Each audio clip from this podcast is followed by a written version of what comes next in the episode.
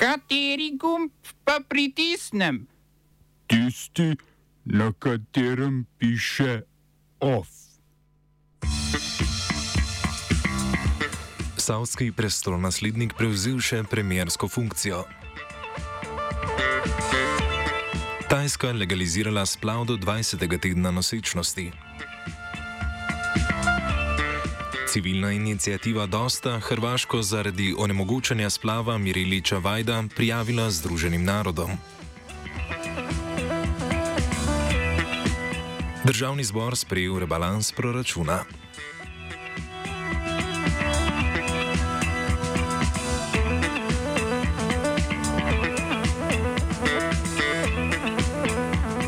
Pozdravljeni. Savskega prestolonaslednika Mohameda bin Salmana, de facto voditelja Saudove Arabije, je kralj Salman imenoval za premijeja te absolutne monarhije. Funkcijo uradnega voditelja sicer upravlja kralj, a 86-letni monarh politično moč prenaša na svoje naslednike. Princ Mohamed je bil predtem na čelu obramnega ministrstva, ki ga ponovem vodi njegov brat Khalid bin Salman. Mohamedu premjerska funkcija med drugim prinaša imuniteto pred pregonom v Združenih državah Amerike. Tam naj bi tožbo proti njemu pripravljala žena novinarja Washington Posta Jamala Khashogija, ki so ga Saudi likvidirali leta 2018 v Istanbulu. Sojenje 26 saudskim državljanom je turško sodišče aprila ustavilo in sporočilo, da se bo nadaljevalo v Saudovi Arabiji.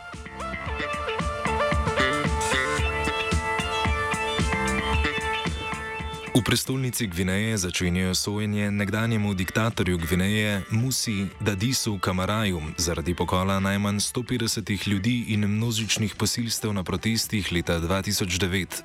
Kamaraj je leto prej izvedel vojaški udar in postal predsednik države, zaradi česar se je okoli 50 tisoč miroljubnih protestnikov zbralo na stadionu v glavnem mestu Konakri, kjer se je tudi zgodil pokol. Preživeli pričajo, da so vojaki iz predsedniške garde in policisti vstopili na stadion, zaprli izhode in začeli napadati ljudi. Po gotovitvah posebne komisije Združenih narodov so posilili vsaj 109 žensk ter z noži in mačetami napadli protestnike. Kamaraju in še desetim obtoženim so včeraj oduzeli prostost in bodo do sodbe v priporu. Kamara se je na kraj zločina vrnil v soboto, predtem je živel v Burkina Faso.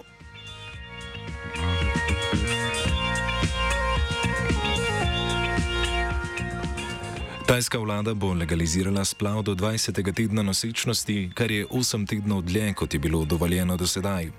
Odločitev je vlada sporočila v uradnem listu kraljevine, v katerem je pojasnila, da se bodo osebe, ki so noseče več kot 12 in manj kot 20 tednov, morale pred umetno prekinitvijo nosečnosti najprej posvetovati zdravnikom. Do lanskega februarja, ko so splav legalizirali do 12. tedna nosečnosti, je bil ta kaznivo dejanje. Dovoljen je bil le v primeru posilstva ali ogrožanja materinega življenja, sicer pa so bile ženske lahko kaznovane z globo okoli 260 evrov ali šestmesečno zaporno kaznijo, oziroma tudi z obojim.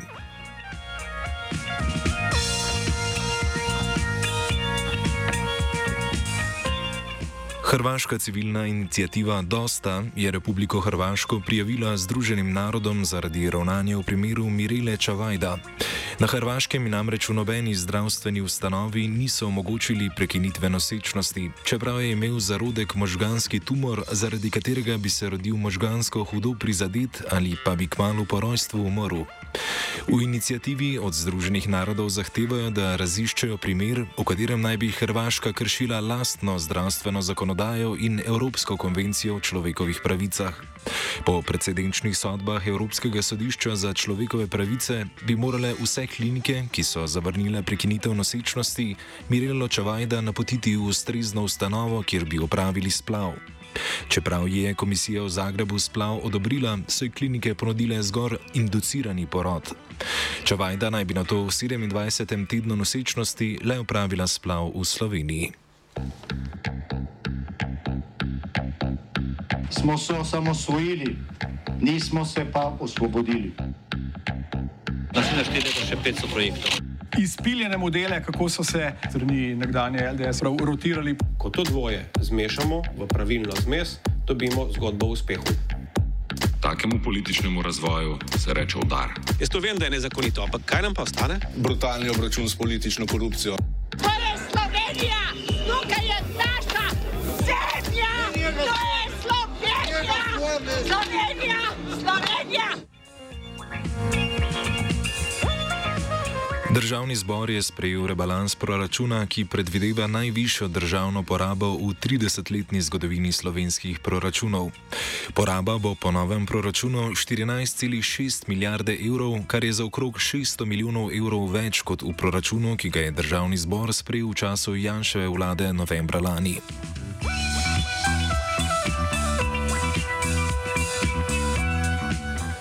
Prav tako bodo načrtovani prihodki za približno milijardo evrov višji od načrtovanih v prejšnjem proračunu, kar pomeni, da je načrtovani primankljaj nekoliko manjši. Takšno znižanje primankljaja je kritiziral fiskalni svet, saj naj bi predstavljal osnovo za čezmerno porabo v prihodnih proračunih. Skupna rast porabe je v sprejetem rebalansu precej omejena, saj naj bi se v letu dni povečala za dobra 2 odstotka, medtem ko se je lani povečala za dobrih 13 odstotkov. Fiskalni svet je opozoril, da bi lahko takšno omejevanje rasti porabe obremenilo javne finance v naslednjih letih in pripomoglo k dolgoročni visoki inflaciji.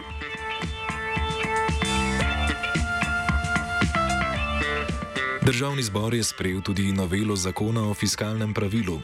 Z njo odpravlja pravno praznino glede delovanja fiskalnega sveta v primeru, da po poteku petletnega mandata članov niso imenovani novi. V takšnem primeru do imenovanja novih članov delo upravljajo člani, ki jim je mandat potekel. Pravna praznina je bila ugotovljena lani, ko je članom fiskalnega sveta spomladi potekel mandat. Decembra je državni zbor člane ponovno izvolil, vlada pa je takrat predlagala zakonsko ureditev pravne praznine, vendar v času prejšnje vlade državni zbor o tem ni odločal.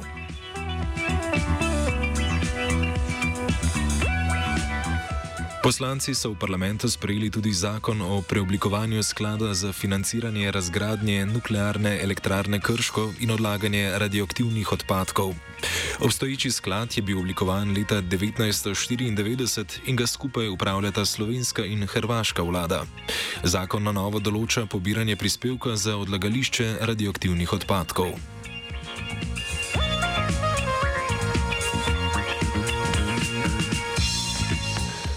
Predstavniki ljudstva v hramu demokracije so bili zaposleni tudi s prejemanjem zakona o elektronskih komunikacijah. Ta v slovenski pravni red prenaša določbe Evropske direktive, ki omogoča poceni dostop do širokopasovnega internetnega omrežja, spodbuja uporabo visoko zmogljivih omrežij, vzpostavlja omrežje za javno obveščanje in opozarjanje ter izboljšuje varnost komunikacijskih omrežij.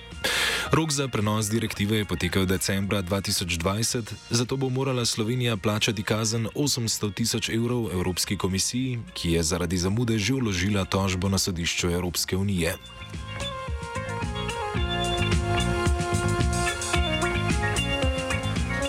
Stanovalci mestne četrti Nova Vas v celju nasprotujejo občinskemu podrobnemu prostorskemu načrtu, ki so ga z 21 glasovi za in 6 proti sprejeli mestni svetniki.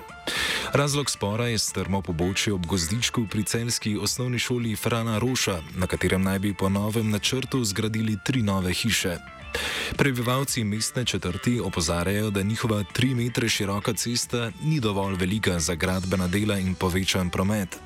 Zaradi bližine gozdička, ki je obenem še učilnica na prostem, po predlogu nasprotujejo tudi v osnovni šoli. Poleg tega naj bi bili predvideni objekti večji od dosedanjih vrstnih zgradb, s čimer bi osnovni šoli odzeli pogled na celje. Več o sporu v današnjem offsajdu ob petih.